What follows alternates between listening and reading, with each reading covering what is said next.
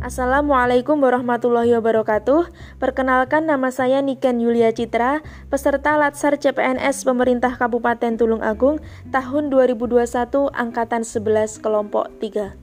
Dalam rekaman learning journal hari ini, saya akan berbagi pengalaman belajar saya pada hari ini yang secara sinkronus didampingi oleh Ibu Heni dengan membahas materi pelayanan publik, WOG dan manajemen ASN dan secara asinkronus yang saya peroleh dengan cara membaca dan memahami modul yang ada di MOOC.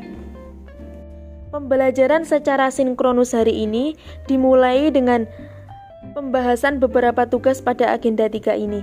Yang pertama membahas tentang cara membuat podcast yang baik dan benar, yaitu dengan cara memperhatikan tanda koma, titik pada saat membaca, dan dengan memilih latar musik yang sesuai dengan podcast yang kita buat.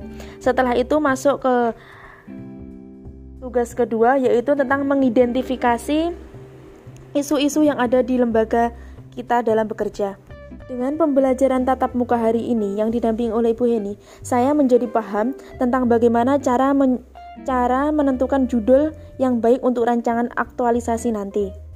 Yaitu dengan cara mengumpulkan bukti tentang isu yang akan kita angkat. Jadi, kita mengangkat judul itu harus ada buktinya. Tidak tidak boleh sembarangan mengangkat judul. Selain itu juga harus ada teori yang menerangkan tentang judul yang kita angkat. Kita bisa mencari teori-teori tersebut di Google Scholar, Google Chrome dan sebagainya. Pada pembahasan ketiga hari ini yaitu tentang tentang layanan pengaduan masyarakat yang ada di lembaga kita.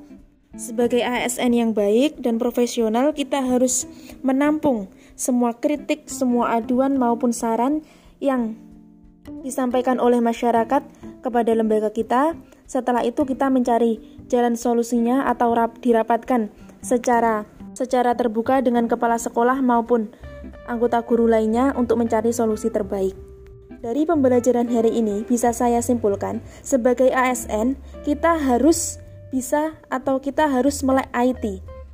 Karena di era globalisasi ini, apabila kita tidak melek IT, kita tidak mengikuti perkembangan digitalisasi, kita tidak akan bisa memberikan pelayanan publik sesuai dengan tuntutan masyarakat saat ini. Oleh karena itu, sebagai ASN kita dituntut untuk selalu bisa mengikuti perkembangan globalisasi dengan cara melek IT agar tidak ketertinggalan zaman.